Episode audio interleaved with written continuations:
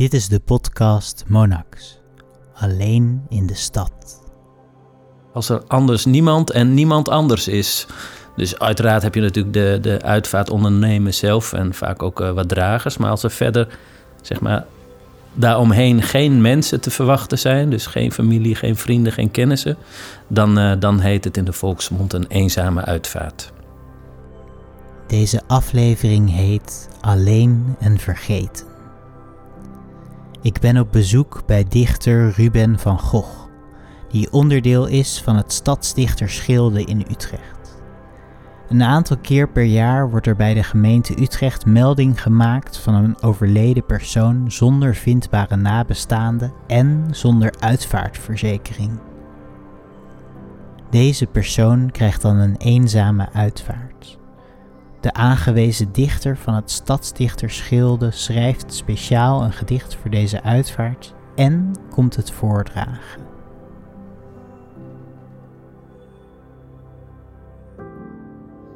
De eenzame uitvaart is uh, ooit bedacht door de eerste stadsdichter van Groningen, Bart F.M. Droog.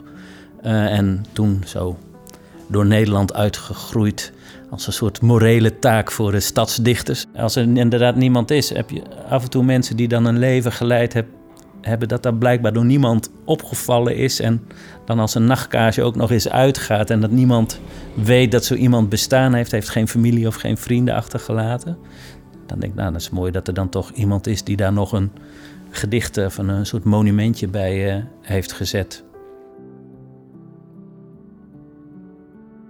Ik heb ooit een, uh, een aanrijding met de trein meegemaakt. Dus ik zat in een hele late trein en ineens uh, midden tussen Assen en Zwolle was dat was ineens een, een knal en allemaal uh, gehobbel en gejinkt en ge geshake en allemaal vonken en dingen die langskwamen. En toen stonden we ook half van het spoor af. En uiteindelijk is er niemand, ja, één iemand heeft een kapotte knie eraan overgehouden. En het bleek uiteindelijk, achteraf bleek dat er een, een een, een bestelbusje op een spoorwegovergang had gestaan. En die was leeg. Maar dat, dat hoorden we pas dagen daarna. Maar in ieder geval, dus ineens was er een stilte. Het was een begintijd van de mobiele telefoons. Dus de eerste belde al naar huis van ja, het wordt wat later. En uh, toen hoorde ik iemand zo in de, in coupé zeggen van nou, nou, ik ga niet naar voren kijken hoor. Ik wil niet zien wat daar gebeurd is. En toen dacht ik ja, toen dacht ik, ik ben verder geen held, zeg maar, als vechten aankomt of zo. Maar ik dacht wel, ja, als er daar een hoop schroot is en er steekt nog één hand uit die wat beweegt, dan, moet die hand vastgehouden worden. Dus toen ben ik wel naar voren gegaan en zijn we uiteindelijk uitgestapt, conducteur en een machinist ontmoet en hebben inderdaad naar zo'n verwrongen hoop gekeken, uh, waar niks te zien was, tenminste niks herkenbaars. Maar dat, een beetje dat gevoel is er van, ja, als er, als er niemand meer is, moet, moet toch iemand zijn die daar nog een beetje staat, zeg maar. Je probeert uh, voor zover dat wil wat te achterhalen over wat er van de overledene bekend is. En soms is dat best wel veel, of, uh, best wel veel, of in ieder geval heel bijzonder. er is een keer een, een overleden Fransman geweest, bijvoorbeeld, die, waarvan het verhaal was dat hij in Frankrijk gewoon gepensioneerd raakte. Daar een Nederlandse vrouw op leeftijd ontmoette met haar naar Nederland is verhuisd. En zij was al eerder overleden, had geen familie en geen kinderen. En hij bleef hier achter en is uiteindelijk ook overleden. En maar het bijzondere daarvan was dat hij de, uh, hoe dat precies heette, Honneur Legionnaire had, dus een hoge Franse onderscheiding. Dus in Frankrijk had hij dan gewoon een staatsbegrafenis met vier soldaten die in de lucht schoten gehad. En hier in Nederland. Dus ja, helemaal niks. De laatste waar ik uh, bij was, was in uh, april en mei of zo. Er was een coronaslachtoffer. Die woonde niet eens in Utrecht. Was in Utrecht overleden in het ziekenhuis. Wisten ze nergens van, uh, behalve een Joodse achternaam. Nou, de telefoongids, gewoon de digitale. Toen kwam ik in, weet ik veel, Renkum of zo. En van de zo die initialen met de achternaam tegen. Toen op Google Maps gekeken. En er was inderdaad een seniorenwoningcomplex. Dus en met een een, een aanpalend activiteitencentrum voor bejaarden. Dus daarheen gebeld van uh, ja, ik uh, zit hier met een eenzame uitvaart van die en die. En ik zie in het bestaf en telefoongids dat er uh, bij jullie buren een die en die woont. Zou dat hetzelfde kunnen zijn? Oh ja, nou wij zijn niet van bejaardenhuis, maar er zitten net mensen op de binnenplaats. Ik ga even vragen. Dus, en dan bleek inderdaad van ja, ja die woonde hier, had nooit bezoek, die zagen we nooit. En nou, in ieder geval die persoon herleidt waar die vandaan kwam.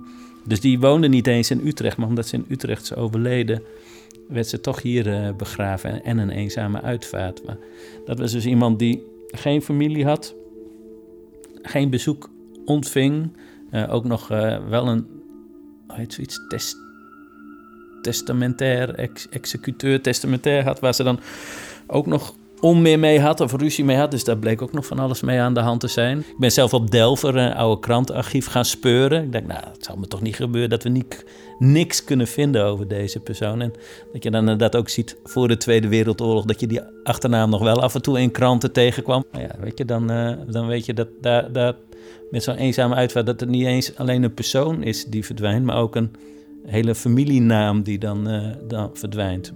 Ook iemand die dan inderdaad ja, wel 85 of 80 geworden is, haar hele leven. Niemand wou, uh, of niemand zag, alsnog besmet raakte met corona en, uh, en dan hier overlijdt. Ja, dat is ook uh, ongekend triest, vind ik dat dan. En tegelijkertijd, als die niet was overleden, had je ook nooit van haar, van haar geweten. Dat is ook weer zo raar.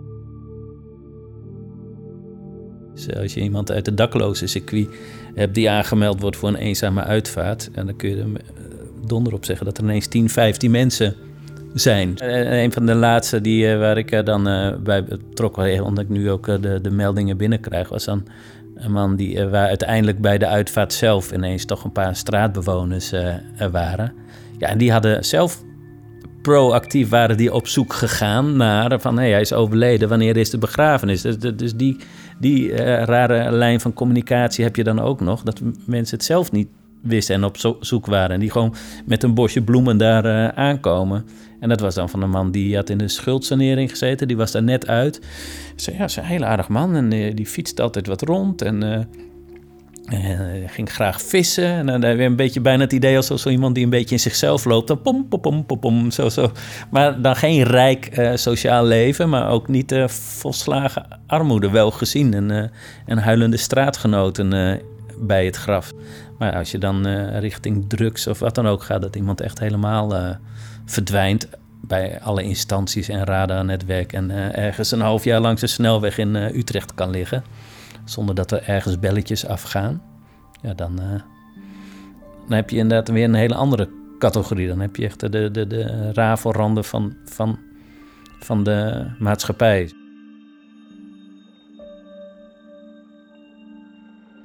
En soms weet je, ja, is het gewoon iemand die ergens geleefd heeft waar niemand eigenlijk wat van weet?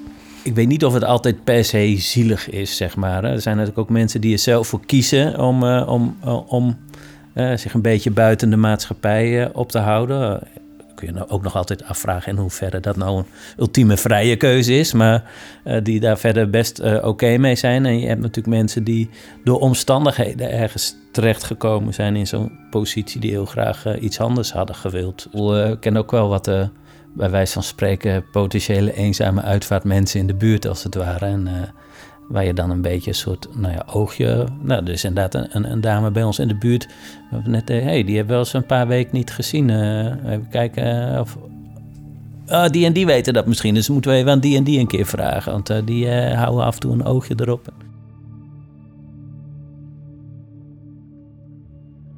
In 2013 kregen we een eenzame uitvaart van een, uh, een jongetje. Dat was uh, doodgeboren, of tenminste over, net na zijn geboorte overleden. Uh, volgens mij in, was de geboorte in gang gezet in Deventer.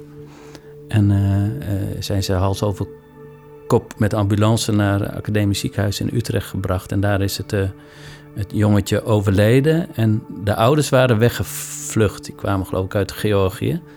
Dus het vermoeden was dat die uh, illegaal waren of dat ze uit angst voor uh, vreemdelingen, politie of wat dan ook uh, zijn weggevlucht. Dus dat was, ja, dat was dan een eenzame uitvaart. En daar heb ik toen gedichten bij geschreven. En had toen ook nog geen naam. gaandeweg het schrijven van het gedicht heeft hij met terugwerkende kracht een naam gekregen. Dus ik denk, ja, dat is wel heel, een hele ja, trieste aangelegenheid. Maar ik zal het gedicht voorlezen.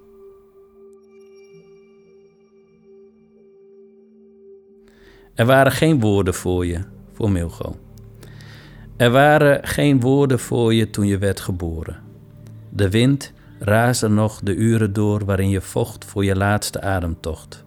Lang heeft het niet mogen duren. Er zijn er vast wel die naar woorden hebben gezocht, maar dat mocht niet baten. Ze moesten je achterlaten in het leven. Tot aan het einde ben je zonder taal gebleven.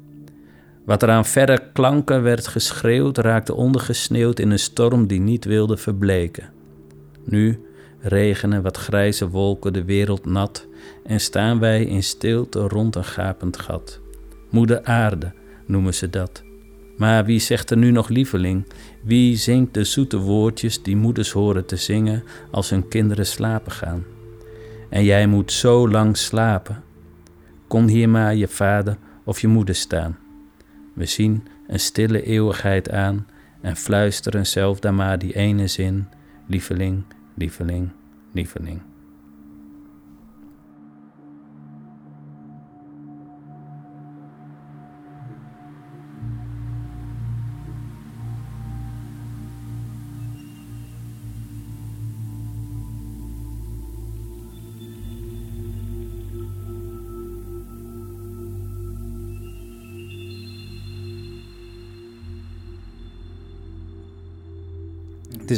Ik vind het in die zin in alle oprecht ook iets is waar je net niet de vinger op kan leggen van ja, waar doe je het eigenlijk voor je? Ik denk, ja, iedereen vindt het ook mooi. We krijgen veel mensen, oh wat goed dat jullie dat doen. En ze willen, bij wijze van spreken, ze willen er allemaal bij zijn, uh, bij wijze van spreken.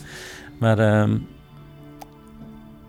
de persoon om wie het gaat, die, uh, daar is het inderdaad te laat voor. Die heeft daar geen weet van. Dus dan doe je het ja, alsnog voor de nabestaanden of uh, boel, normaal, of wat is normaal, maar eh, de, de, de cliché eh, one-liner bij de begrafenis is uh, in gedachten leeft hij of zij voort.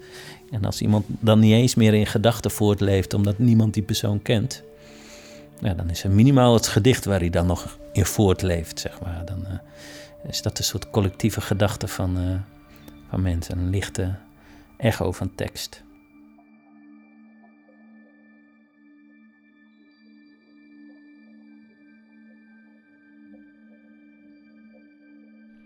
Je luisterde naar de aflevering Alleen en Vergeten van de podcast Monax, Alleen in de Stad.